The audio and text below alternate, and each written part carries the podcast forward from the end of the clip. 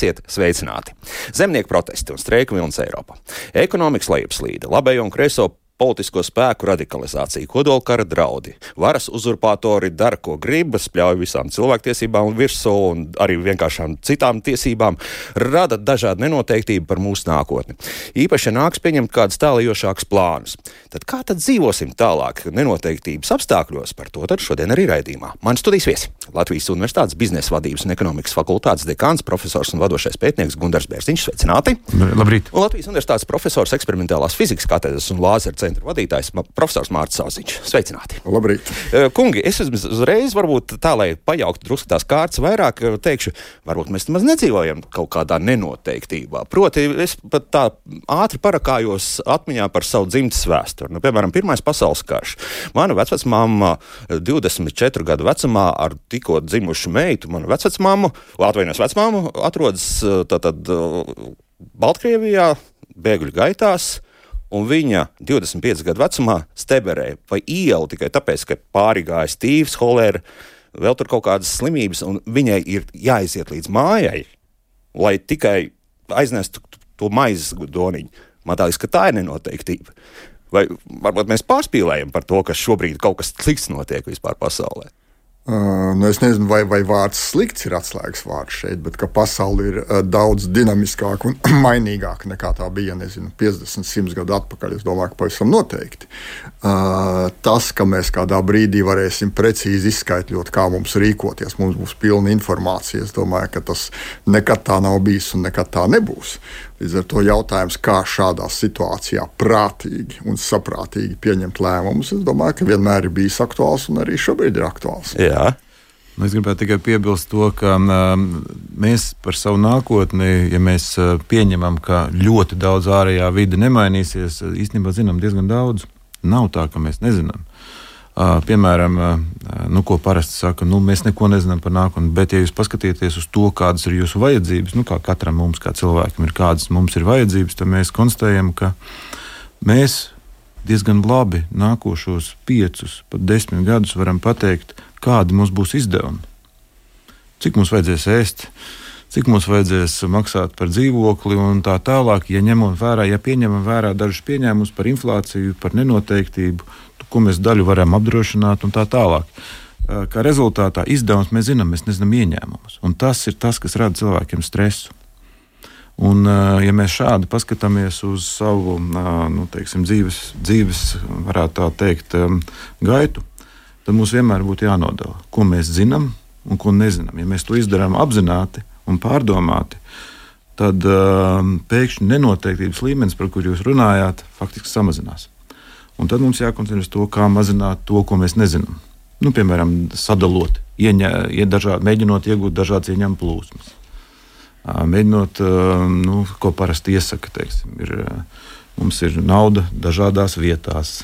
Un apzināti veidojam to, lai mēs nenoteikti mazinātu. Bet tas ir diezgan nopietns darbs par to, kāda, kādu mēs gribam mūsu nākotni. Bet vai ar to būs gana? Jo, proti, nu, mums taču bija pēkšņi lūk, 2020. tad sanāk otrais gads, kad inflācija tā uh, uzskrēja augšā, un, un tad mums abās pusēs tur ir nenoteiktība. Ja? Ah, ne tikai ieņēmumi, bet arī izdevumi galā. Ja? Šeit gan jāsaka, ka atkal, ja mēs tiešām mācāmies un saprotam, ka vēsture vai teiksim, finanšu sistēma faktiski ir cikliska un paskatāmies uz iepriekšējo periodu, tad teiksim, procentu likmes ir bijušas ļoti augstas vairākas reizes iepriekšējos periodos. Un, ja tas notika iepriekšējos periodos, liela varbūtība, ka tas notiks arī nākotnē. Vienkārši šādi būtu jādomā par sevi un par savu nākotni. Ja tas vienreiz ir noticis, iespējams, notiks arī atkal. Ko es darīšu tādā situācijā? Bet cilvēki kaut kā mīl aizmirst uh, to, to nepatīkamo. Un tad ir tie, vienmēr tie stāsti, redz, cik labi to laik bija. Ja? Kaut gan arī tur bija problēmas. Es domāju, ka tas, ko Gunārs saka, un, un, protams, tā viss ir taisnība, bet tas ir. Mēs izējām no tāda pieņēmuma, ka mēs ļoti e, analītiski un racionāli pieņemsim lēmumu. Mēs dzīvē patiesībā nekad nedarām. Mēs saprotam, ka mēs lēmumus daudz biežāk pieņemam uh, emocionāli, jebkurās situācijās. Gunārs runāja par ekonomiku, bet nu, teiksim, es pieskaršos diezgan slidenai tēmai, bet nu, teiksim, netik sen atpakaļ mums bija uh, vakcinācija. Bija ļoti uh, atšķirīgi viedokļi par to. Un katrai pusē likās, ka, nu, ja es tagad izstāstīšu savus ļoti loģiskos argumentus, jums tā kā nebūs citas iespējas, kā, kā piekrist maniem argumentiem. Saprotot, ka šie argumenti netiek tā ļoti racionāli čeklistā, plusi un mīnusi salikti. Mēs to uztveram ļoti, ļoti, ļoti emocionāli. Un es domāju, ka šī komponente mūsu dzīves plānošanā, varbūt lielu lietu, tur kredītu ņemt vai nē, bet vissīkāko. Mēs nepārtraukti pieņemam lēmumus. Mēs ar Gunteru šodien bijām izvēles priekšā nākt uz raidījumu vai nē. un, un, un mēs, nu, paldies, ka mēs, mēs, mēs nekalkulējām tur kaut kādas pluses, mīnus. Sajūta bija, nu, tā kā būs interesanti. Ar Gunteru raidījumu vadītāju sarunāties būs interesanti. Līdz ar to lēmums pavisam noteikti ir. Uh, emocionālā un tādā sajūtu līmenī. Un, un, un es gribētu teikt, varbūt pabeidzot šo, ka tas notiek ne tikai šādās sītā, sīkās lietās. Man vienmēr patīk atcerēties, bija tāds Džeks Velčs, kas bija General Electric firmas vadītājs, 20 gadu laikā firmas vērtību daudz desmit reižu palielināja. Nu, tāds ikonisks cilvēks biznesā. Un viņam vienā brīdī jautāja, nu, vai ir kādi lēmumi, ko viņš savā dzīvē nožēloja biznesa lēmumu, ko viņš darītu citādi. Un viņa atbilde patiesībā bija ļoti interesanta priekš manis. Viņš teica, ja es tagad to darītu, es daudz mazāk klausītos analītiķu padomos, es vairāk pieņemtu lēmumus pēc savas iekšējās sajūtas, un noteikti būtu vēl labāk. Tā, slēdzam radio ārā, ieslēdzam TikTok un sākam raidīt, ja? un atrodam savus septiņus klausītājus un skatītājus. tā, varam tā, ja? Nē, vairāk par to, ka, ka, ka šīs te sajūta, intuīcija uh, arī spēlē ļoti lielu lomu, un ka, ka pavisam noteikti ne viss ir iespējams uh, izskaidrot. Bet Daudzas lietas var paredzēt, kā Gunārs teica. Jā. Un, un mums arī negribās paredzēt, nu, atkal ļoti uh, vienkāršais piemērs par banku procentu likmēm. Ļoti nu, ievērojams skaits cilvēku ir nonākuši ļoti grūtā situācijā. Tāpēc, ka sajūta bija, nu, ja bankas tikai drusku pieceno, bet pamatlikme ir zero, nulle, nu, tad tā mūžīgi būs. Lai gan, kā Gunārs saka, nu, jeb, jebkurā racionālā domāšanas variantā, skaidrs, ka mūžīgi tā būt nevar. Un, ja es ņemu kredītu nevis uz vienu un diviem gadiem, bet es saprotu, tur nezinu, dzīvokli mājām uz desmitiem gadu, nu, tad rēķināties, ka leiputrī turpināsies visus gadus, nu, ir, ir neracionāli. Un tad pašā laikā katram runājot šādi, nu, liekas, nu, kā citādi domāt. Un tad pašā laikā emocionāli mēs citādus lēmumus pieņemam. Jā, profesor Bērziņš. Es tikai gribēju piebilst, ka, ja mēs pieminam lielos un slavenos um, biznesa nu, tādus um, guru, varētu tā teikt, tad um, par lēmumu pieņemšanu bija ļoti labs um, pieņēmums um, Jeffam Bozsam, kas ir Amazon dibinātājs. Viņš teica, mēs visus lēmumus iedalām divās grupās. Uh, div, mums ir tādi, ir, ir viendurvju lēmumi un divu durvju lēmumi. Viendurvju lēmumus mēs pieņemam daudz nopietnāk, jo tie ir lēmumi, kuros mēs ejam pa šīm durvīm un mēs nevaram iziet. Mums vai nu mēs izējām ar milzīgiem zaudējumiem. Tos lēmumus mēs uh, izvērtējam ilgi, novērtējam, analizējam, izdarām visu iespējamo un pat viņus atliekam. Tikai tāpēc, ka mēs zinām, ja tur mēs kļūdīsimies, uzņēmums var bankrotēt, mēs ģimene var bankrotēt, viss var būt slikti. Bet ir lēmumi, kurus mēs uh, saprotam, nu, Pamēģinājām, nesanāca. Izejām pa otrām durvīm ārā un sakām, nu, laba pieredze, zaudējumu nav, ejam uz priekšu. Tas nozīmē, ka mēs ļoti varam, lai saka, apzināti saprast, kas ir, kas ir tādi būtiski lēmumi. Mēs nošķiram būtiskos lēmumus, kurus nevar atgriezt no nebūtiskiem. Nu, piemēram, nu, mēs, ja mēs pieņemam lēmumu precēties, nu, laulībai tas ir nopietns lēmums. Un to mēs droši vien pārdomājam. Mēs ņemam, pērkam māju, mēs noteikti izvērtējam. Jo, ja mēs mēģināsim viņu pārdot pēc tam, mēs varētu ciest zaudējumus. Turpretī, ja mēs sakām, nu, man patīk šis modelis, krāklām vai šis modelis, nu, ir investīcija, bet, bet ja viņš nepatīk, mēs varam viņu arī ziedot. Un šādā veidā, nu, sadalošos lēmumus, mēs saprotam, ka vieniem ir jāvēl daudz vairāk laika, viņu izvērtēšanā un citiem mazāk. Tā kā viena metode, ko var izmantot, es domāju, katrs, un viņa ir ļoti vienkārši un saprotama. Tā, tagad es uzreiz saprotu, ka profesors Auziņš stāsta par to faktiski šeit un tagad situāciju. Ja, ka mēs tiešām dzīvojam tajā vienai dienai, un pārējais tur kaut kā paliks pakārtots. Savukārt, profesors Bērziņš jau saka, ka šeit mēs drusku padomāsim, un te varbūt ir tas, ka, lūk, pie tās nenoteiktības, ka es varbūt stipri domāšu, vai to māju man šobrīd vajadzētu līzingā, atvainojos, kredītā ņemt, jā vai nē. Ne, nu jā, bet es domāju, ka, ka, ka turpinot varbūt nedaudz tā, tā to nezinu, filozofisko komponenti, jo, uh, un, un varbūt par to, kā viena lieta mēs tā kā ļoti uh, strukturēti saprotam, kā mums pieņemt lēmumus, noklausāmies kādu kursu par lēmumu pieņemšanu, bet tad es domāju, ka šī lielā aina mūsu izglītība kopumā. Un, man šķiet, ka izglītībai vajadzētu izveidot divas komponentes, kas ļautu labi pieņemt lēmumus arī ļoti ilglaicīgus. Uh, viens tās, tās ir eksaktās un dabas zinātnes, kas mums iemāca ļoti precīzi domāt, un tur varētu gari izvērst stāstu, kas mums, kā mums, kā tas mūs to iemāca darīt. Un otra daļa, kas ir nemazāk svarīga, humanitārā daļa, ka, kas iemāca mūs uh, patiesi just kas patiesībā izklausās kā tāds skaists apaļš vārds, bet tāpat kā mēs ļoti bieži dzīvē nedomājam precīzi, tāpat mēs ļoti bieži izliekamies tur empātijās, sajūtās, jūtās un tā tālāk. Un ja mēs šo patieso jušanu Un to var trenēt. Tas varbūt skan nedaudz tā, tā, tā uh, tehniski trenēt jušanu, bet tāpat kā var trenēt domāšanu, precīzi domāt, tā arī šo te, patieso sa attieksmi, sajūtu, ēti, ētisko rāmi var trenēt. Un ja mēs šīs saliekam kopā, tad mūsu lēmumi būs patiesībā nu, gan mums par labu, gan sabiedrībai par labu, sabalansēti un mēs spēsim mierīgi pieņemt lēmumus. Jo ir vēl, uh, man šeit tā kā uz citātiem vēl, kas vēl viens citāts. Ir tāds uh, Reinholds Nieburs. Amerikāņu teologs saka, ka šo citātu, kur es tūlīt pateikšu, viens no Amerikas prezidentiem esot Baltajā ofisā, Bal Baltajā namā uz sienas turējis. Un citāts ir sekojošs. Viņš atsaucās uz Dievu kā teologs, bet Dievs varbūt šeit nav izšķirošā daļa. Viņš teica, Dievs dod man iespēju mierīgi uztvert lietas, kuras es nevaru mainīt, mierīgi uztvert lietas, kuras es nevaru mainīt. Dod man drosmi mainīt lietas, kuras es varu mainīt Un trešais dod man gudrību atšķirt pirmās no otrajām.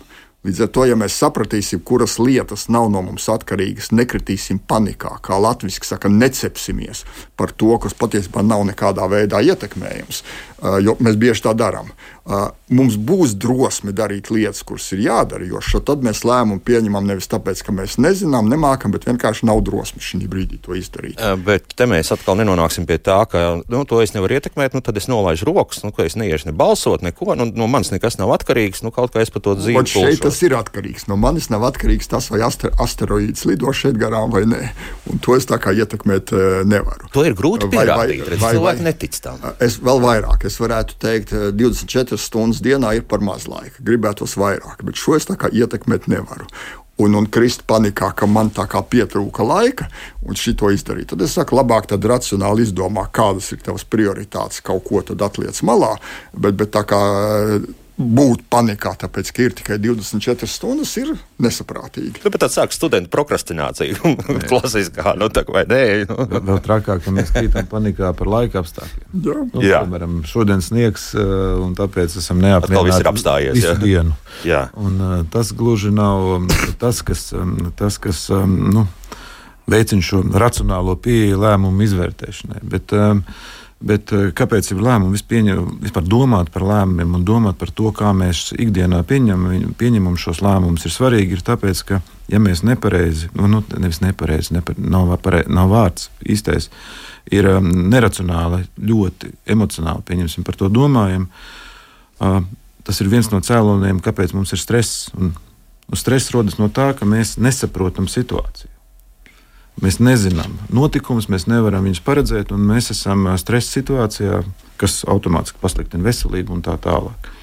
Līdz ar to nu, tāds ieteikums ir tomēr šim jautājumam pievērst tādu nopietnu uzmanību, lai nebūtu tā, ka mēs nu, teiksim, esam ļoti nu, nu teiksim, neapmierināti ar savu dzīvi, stresā tikai tāpēc, ka mēs nespējam racionāli izvērtēt riskus, jo risku izpratne par riskiem ir daļa no lēmumu pieņemšanas. Ja mēs, um, risks ir kalkulēta nenoteiktība. Sauksim to tā. Ir pilnīgi nenoteikti. Risks ir kalkulēts. Ja mēs spējam uh, šos um, riskus paredzēt, daļu mēs varam apdrošināt, mēs varam tos pašus kredītus ņemt, uh, ņemt uh, ar fiksēto likmi. Viņi, mēs, viņi zinām, ka viņi ir dārgāki, mēs, bet mēs samazinām. Kāds oponents, ka nedod? Jā, fiksētām lietām dod, bet, bet tas ir tas, kā, kā mēs varam faktiski samazināt šo nenoteiktību par savu nākotni. Un tas ir, ja mēs apzināti to darīsim ar dažādām rīkiem, kas mums ir pieejami, bet mēs šādi arī domāsim, tad nu, summāri mūsu iespējas veltīt laiku tam, kas mūs patiesi aizrauj, būs lielākas. Jo mēs šie lēmumi būs apzināti. Un atkal tur ir vesela rinda tehnikas, ko darīt. Nu, piemēram, ļoti interesanta tehnika ir tajā brīdī, kad mēs saprotam, ka ir kaut kādas darbības, kuras mēs darām, un viņas var sanākt un var nesanākt. Un mēs ļoti satraucamies pirms šīm darbībām, ka viņas nesanāks.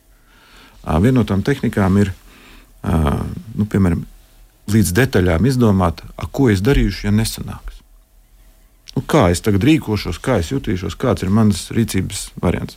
Tas klasiskais variants, ko pēdējā laikā mēs par ko daudz runājam, ir 72 stundu soma. Mums ir viss, ja kaut kas notiek, mēs esam gatavi. Pieņemsim.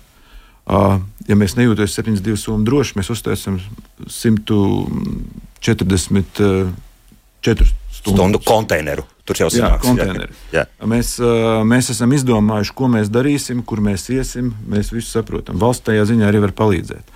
Šādā veidā mēs teiksim, paredzot šos, šīs darbības, viņas ģimenē, piemēram, apspriežot, paši būt, par viņiem esot pārliecināti.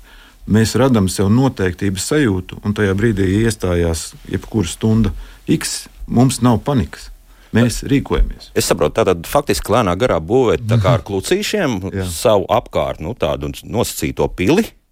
Nu, kaut kā jā, jā. tā, pili par to, kā, teiksim, ja mums ir, mēs zinām, ka šis mani satrauc, es par šo apzināti domāju, kā nākotnes noteikumu faktiski modelēšanu.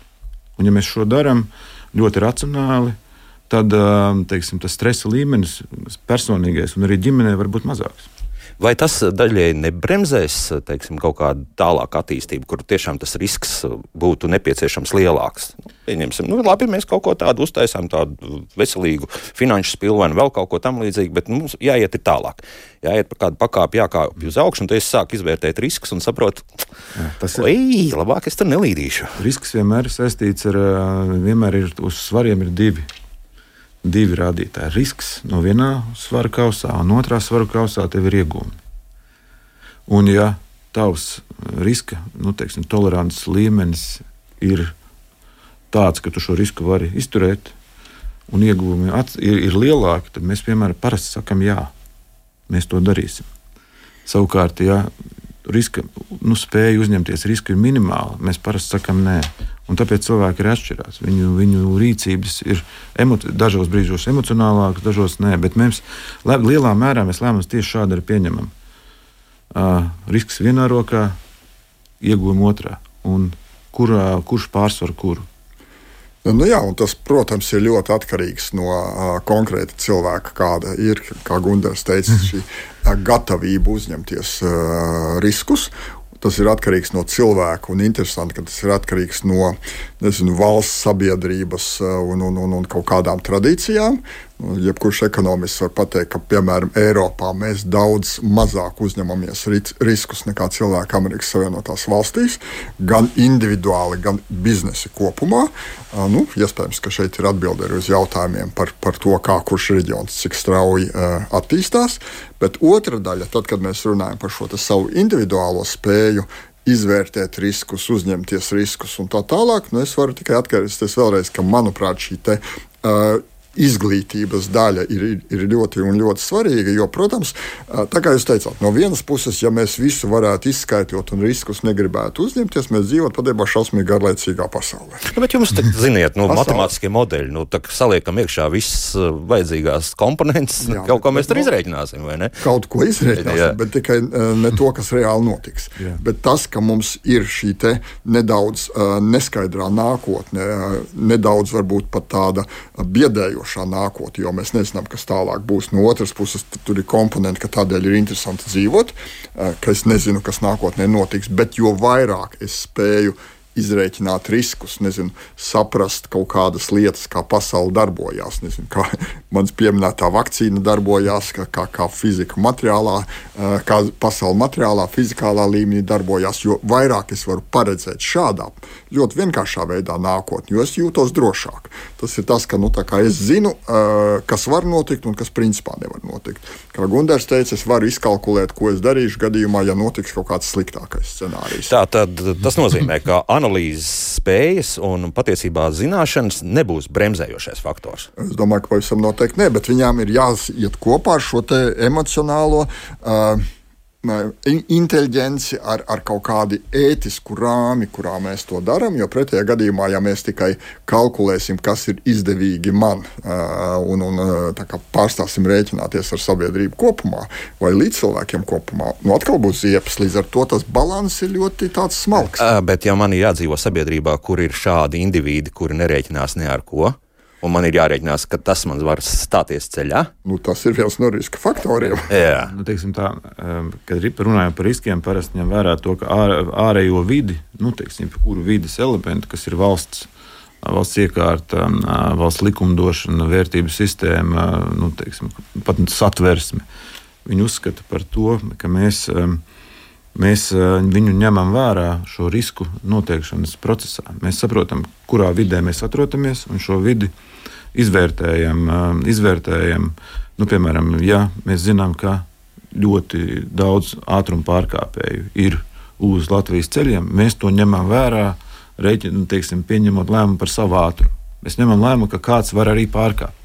Profesor, es domāju, ka tiešām tā kāds pieņem lēmumus. es domāju, nē, nu kā, nu, jūs jau skatāties, kad braucat ar mašīnu. Jūs izvērtējat, kas notiek apkārt, nepārtraukti.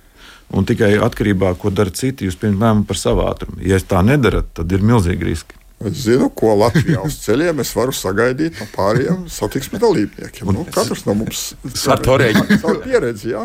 Un, un, un, tā droša braukšana nozīmē, ka jūs neredzat mašīnu, kas jums tieši priekšā, jo jūs mēģināt redzēt mašīnas vismaz divas, trīs uz priekšu. Ko dara? Tad kaut kādai labticībai mēs vietu neatstājam. Ja? Patiesībā šo, tad, kad mēs runājam par šo izkalkulēšanu un tā tālāk, ļoti interesanti, ka, ka, ka ir sabiedrībā kopumā un ekonomikā tāda teorija, kas saucās spēļu teorija, kas ļauj ļoti skaisti šo te situācija, kad, kad varbūt ne visi spēles dalībnieki, sauksim to par spēli, teiksim, ir biznesa situācija, un ir divi biznesa cilvēki, kuri iespējams ir konkurenti un mēģina savus biznesus attīstīt. Un tā kā rēķina, ko tas otrs darīs. mēs nonākam pie situācijas, kad ļoti iespējams, ka tas nevienmēr būs tādā sausi racionālā nozīmē, ka mēs abi gribēsim maksimizēt savu peļņu.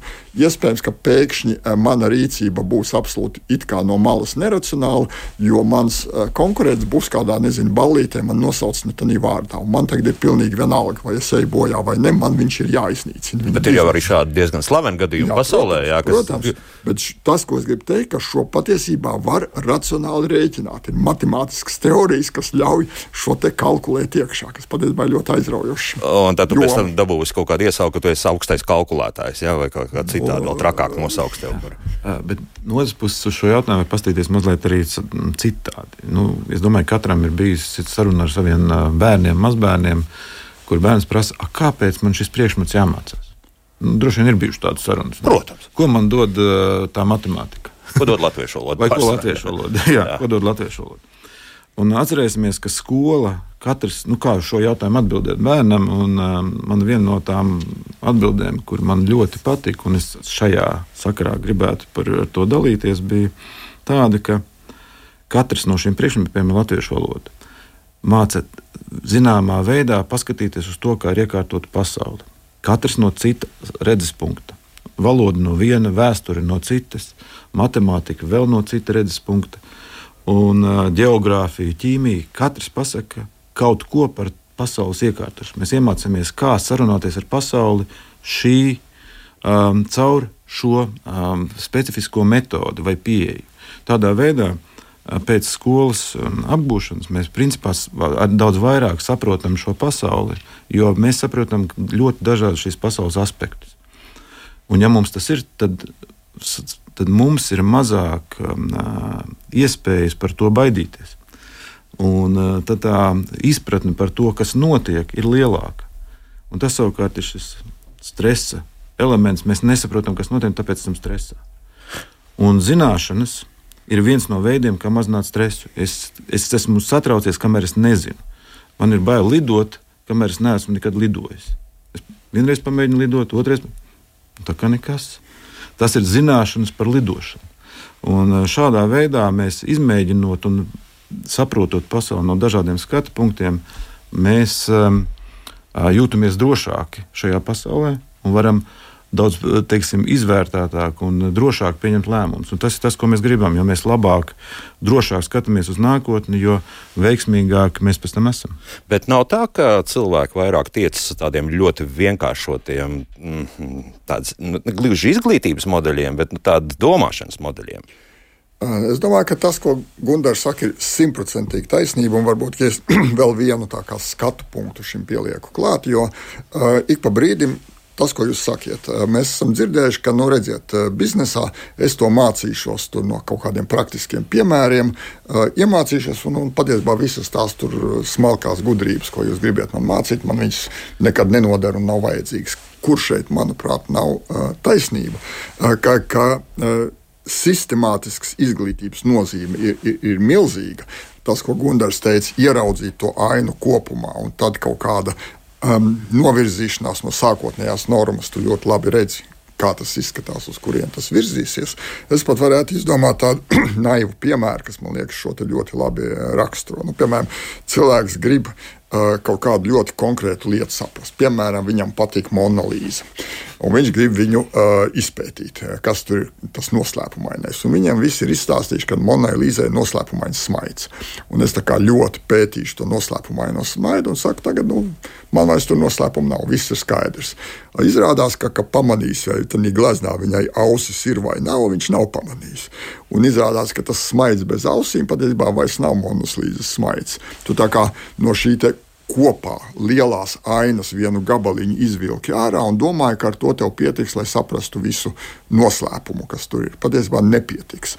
Un šis ir tas, ka ja, ja tu sistemātiski apgūsti pie tam ne tikai vienu kaut kādu konkrētu priekšmetu, bet, bet visu šo.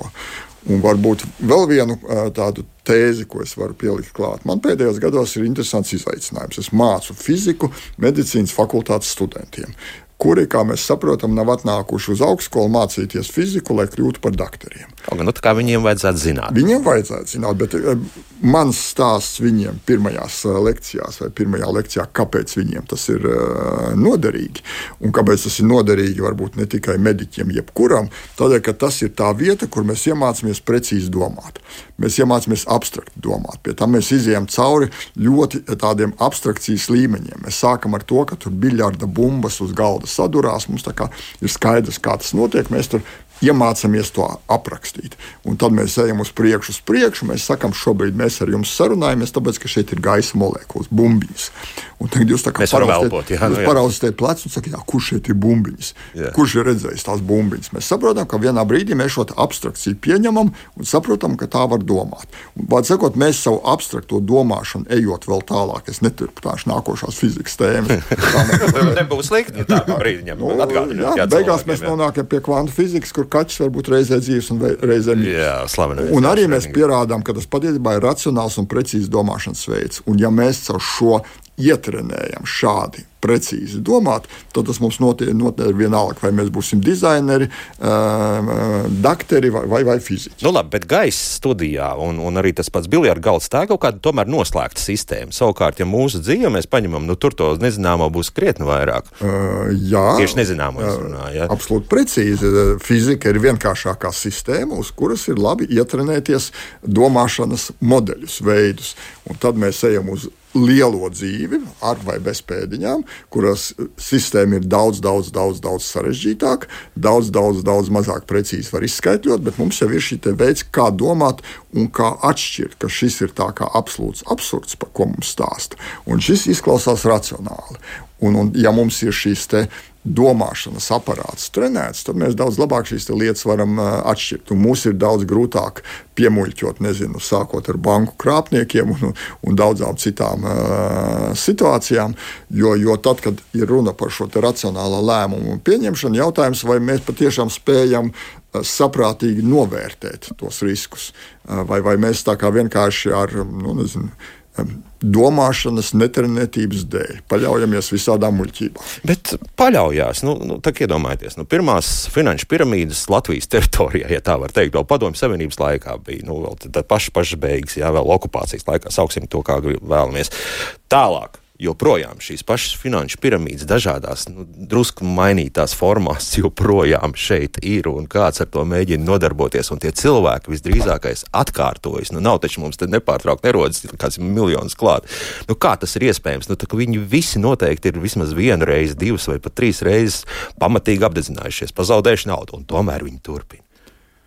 Nu, kā, ar ko tas ir izskaidrojams? Nu, vienīgais, ko, ko es šeit varētu piebilst, ir tas, ka, teiksim, kā jau Mārcis arī teica, mūsu emocijas vai slēptās vēlmes ir vēlmes par, nu, piemēram, ātru kļūšanu bagātam. Nu, šī visu piramīdu gadījumā ir, ir dominē par racionālu izvērtējumu.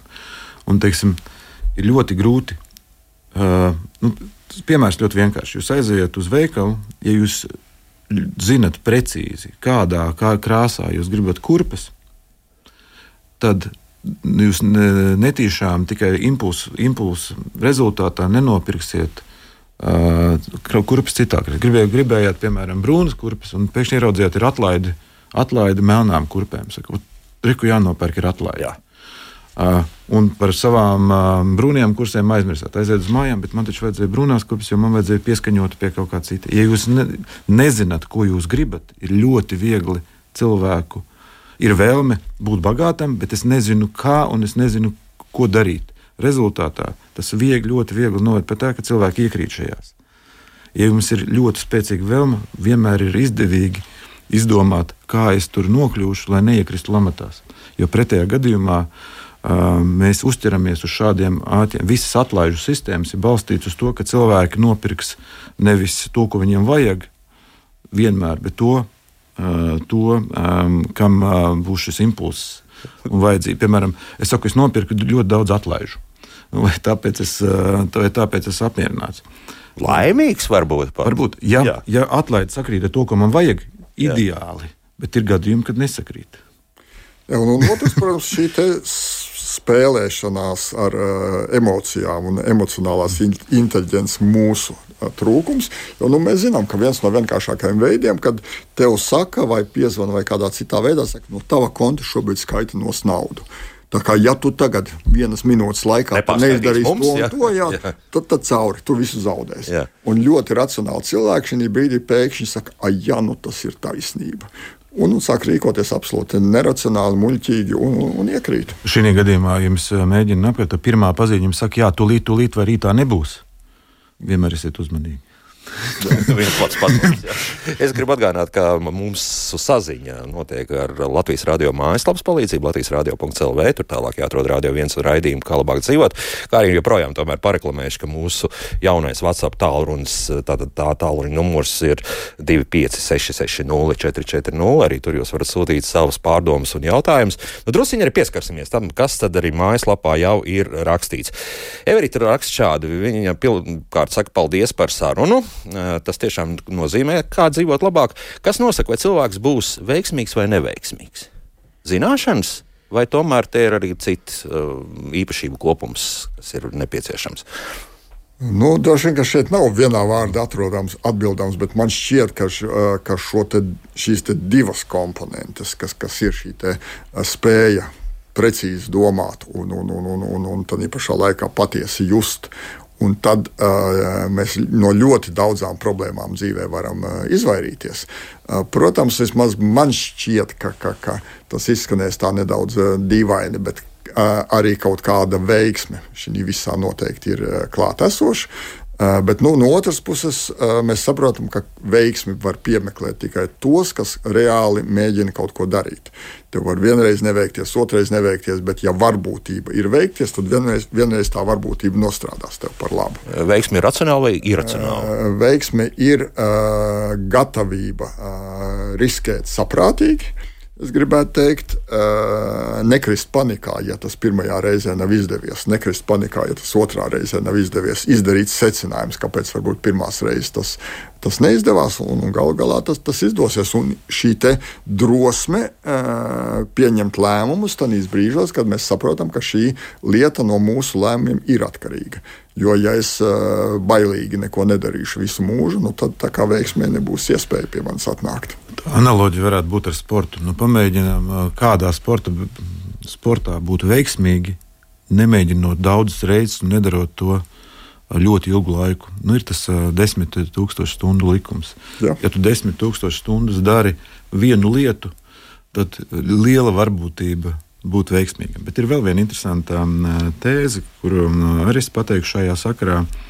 Um, kuriem cilvēkiem parasti maksā lielu naudu? Nu, kā pateikt, vai tev būs daudz naudas, vai tev nebūs daudz naudas? Nu, kā tad to nosaka? Un, uh, tas ir īstenībā salīdzinoši vienkāršs algoritms, un algoritms ir tāds, ka tev ir jāmāk, jā, tev ir jābūt prasmēm, zināšanām un pieredzēji, kas veido kompetenci jomā, ko var, iz, jomā, ko var izdarīt ļoti neliels cilvēku skaits. Tad tev ir jāzina kaut kas, ko zina tikai ļoti neliels cilvēku skaits, bet otra komponente ir obligāta. Tam, ko tu zini, ir jābūt vajadzīgam ļoti lielam cilvēku skaitam. Tas nozīmē, un trešais, tev ir tas jādara, ko tu dari labāk kā citi tavā jomā. Nu, piemēram, šādu ļoti vienkārši izskaidrot, kāpēc nu, piemēram, mūsu sportistam uh, Kristavam Porziņģim ir 150 miljonu kontrakts. Jo ļoti neliels cilvēku skaits to var izdarīt ar tādām kvalitātēm kā viņš. Nu, vēl tur ir auguma centimetri gan spēlē. Ne, tas nesīja, kas, jā, jā, jā, jā, tas jā, viss kopums, jā, jā. kas tev ir piemīt cilvēkam. Otrs, kas ir par to interesējas milzīgs cilvēku skaits visā jā. pasaulē. Un uh, viņš ir viens no labākajiem savā nozarē. Nu jā, tas ir varbūt tāds nu, īpašs gadījums, porziņš, un, un, un, un tur ir tiešām daudz komponentu. Bet man liekas, ka varbūt pat tādā daudz ikdienišķākā veidā, ko es vienmēr esmu priekš sevis formulējis, stāstījis saviem bērniem un stāstījis saviem uh, studentiem, ka, ja tu gribi būt veiksmīgs uh, dzīvē, uh, tad ir tikai viens, kā man šķiet, uh, ceļš, ka tev ir uh, jāvelta laiks pūles un, un sistemātiski jādara, bet lieta, kas tev patiešām šausmīgi patīk. Es par šo arī gribēju jautāt, jo te drusku pretrunas radīsies. Ne, ne, pateikt, es domāju, ka šeit nav pretruna. Es arī nedaudz saklausīju pretrunu, bet es domāju, jā. ka viņas patiesībā nav.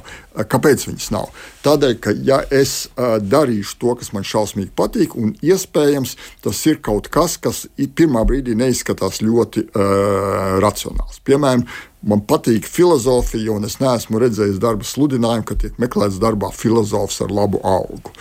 Kāpēc tas nostrādās vienalga?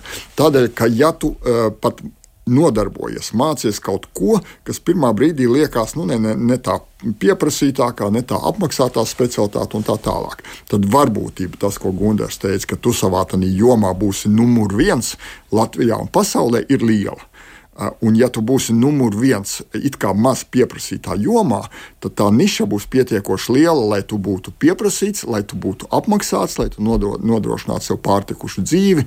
Un pretējā svaru kausā es studēšu, piemēram, kaut ko, kur visi man saka, nu, nezinu, datoriķi šausmīgi liels algas, šausmīgi pieprasīt, bet, bet man ir iebjās.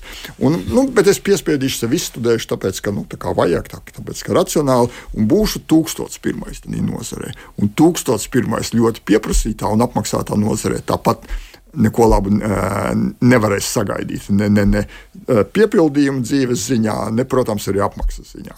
Un rezultātā tādēļ man liekas, racionālākais ir sistemātiski, precīzi un, un, un, un ziedojot tam laiku, bet darīt to, pie kā tev patiešām ir sirds. Tāpēc ir šis trīs komponents, nevis divas. Tie ir trīs komponents, kas bija, teiksim, ka tu esi labākais nozarē un ļoti grūti būt labākam tajā, kas tev nepatīk. Uh mhm. -huh. Precīzi. jo, jo tad, kad tu darbojies ar to, kas tev šausmīgi patīk, nu katrs no mums var apliecināt situāciju, kad tu esi nosēdējis pagājušas desmit stundas un tu nepamanīji. Tā kā nebija piespiesties, lai es tā kā visas tās stundas urptu šito. Tagad tas aizgāja tā kā vienā elpas vilcienā. Jā. Un pamēģina darīt kaut ko, kas tev nepatīk desmit stundas. Nu, neiespējami. Šī bija ļoti izvērsta atbilde uz klausītāju jautājumu. Ja tā var teikt, jā, viena no izvērstākajām atklājas raidījumā mums vispār kopš vispār, mēs tos 18 gadus esam ētrā. Inti raksta šādi. Man uzrunāja šīs parāds ir enerģija, kas tiek aizņemta no, no nākotnes. Nu, jā. Nu, tā arī ir. Teiksim, nauda vispār ir darba, darba mērs, un kāds šo naudu ir radījis savu darbu. Tas pie klasiskās, klasiskās ekonomikas teorijas.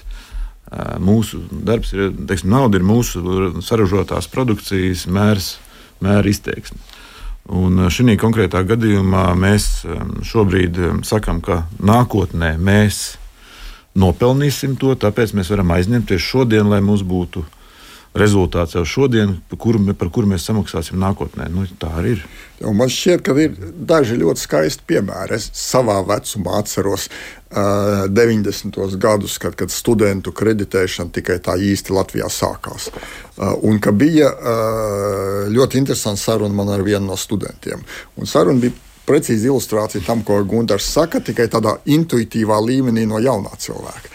Viņš, viņš man teica, apmēram šādi. Viņš saka, nu jā, tas kredīts ir liels, ko es ņēmu, tā nauda ir liela, un tā tālāk. Viņš saka, bet es taču investēju savā nākotnē. Ar šo es nākotnē būšu ļoti eh, konkurētspējīgs, un tad man nebūs grūti atmaksāt. Tad cilvēkiem ir sajūta, ka ar šo viņš investē sevī un ar eh, ļoti racionālu attieksmi, kad rezultātā nu, viņa tirgus vērtība, ja tā drīkst teikt, būs pieaugusi, un viņam būs eh, iespējams šo te atmaksāt. Tas ir pārliecināts cilvēks cilvēki, bet es tagad uzdošu vēl vienu jautājumu. Jo proti, mums jautā, kā pusaudzim, kuram 14 gadu šobrīd iemācīt mazāk stresot par dienas gaitām. Tas nozīmē, ka viņš domā par to un iespējams, ka ir uz tā pareizā ceļa, bet lūk, uh, nu, viņš ne, acīm redzot nejūtas komfortabli šajā ziņā. Nu, viena no tām, ko es jau teicu, ir divas lietas, kas gribētu šajā konkrētā gadījumā pateikt. Uh, ka, nu, mums um, pareizi šobrīd uz mūsu zināšanu bāzes un ārējās, ārējo apstākļu bāzes pieņemt lēmumu, kas mums ir pilnīgi pareizi šobrīd,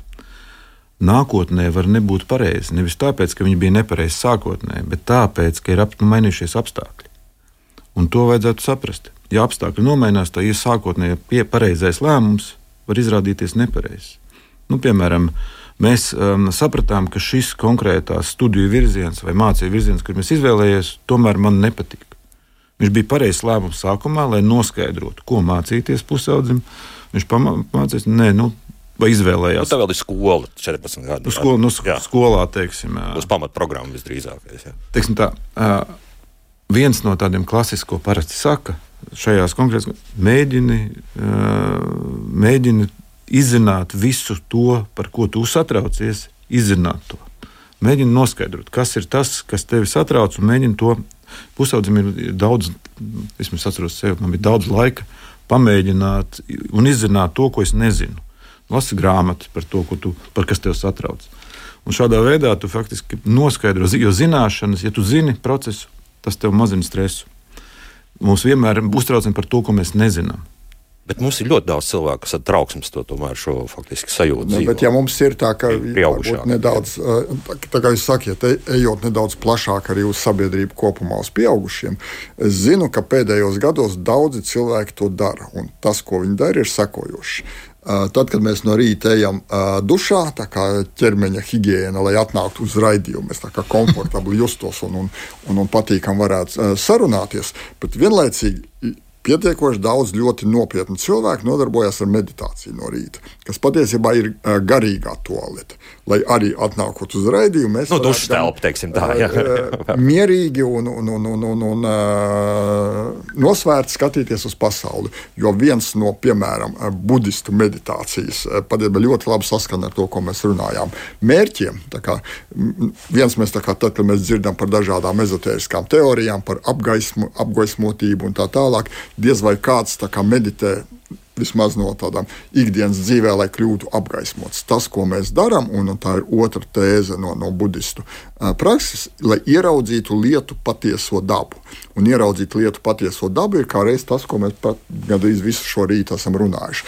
Lai racionāli ieraudzītu situāciju, saprastu šo situāciju, viņas patieso dabu, un tad uh, nesatrauktos par lietām, kas no mums nav atkarīgas, un nebaidītos pieņemt lēmumus tur, kur viņi ir jāpieņem. Es tikai pusaudzim gribēju ieteikt. Viens no veidiem, arī kā samazināt, kā uzņēmumi parasti to dara, un arī es domāju, ka cilvēkiem noteikti mērķi. Tikko tev ir mērķis, un tu tiecies uz konkrētu mērķi, tev tā um, nenoteiktība par nākotni samazinās. Jo tu viņu koncentrē savu uzmanību uz šo mērķi.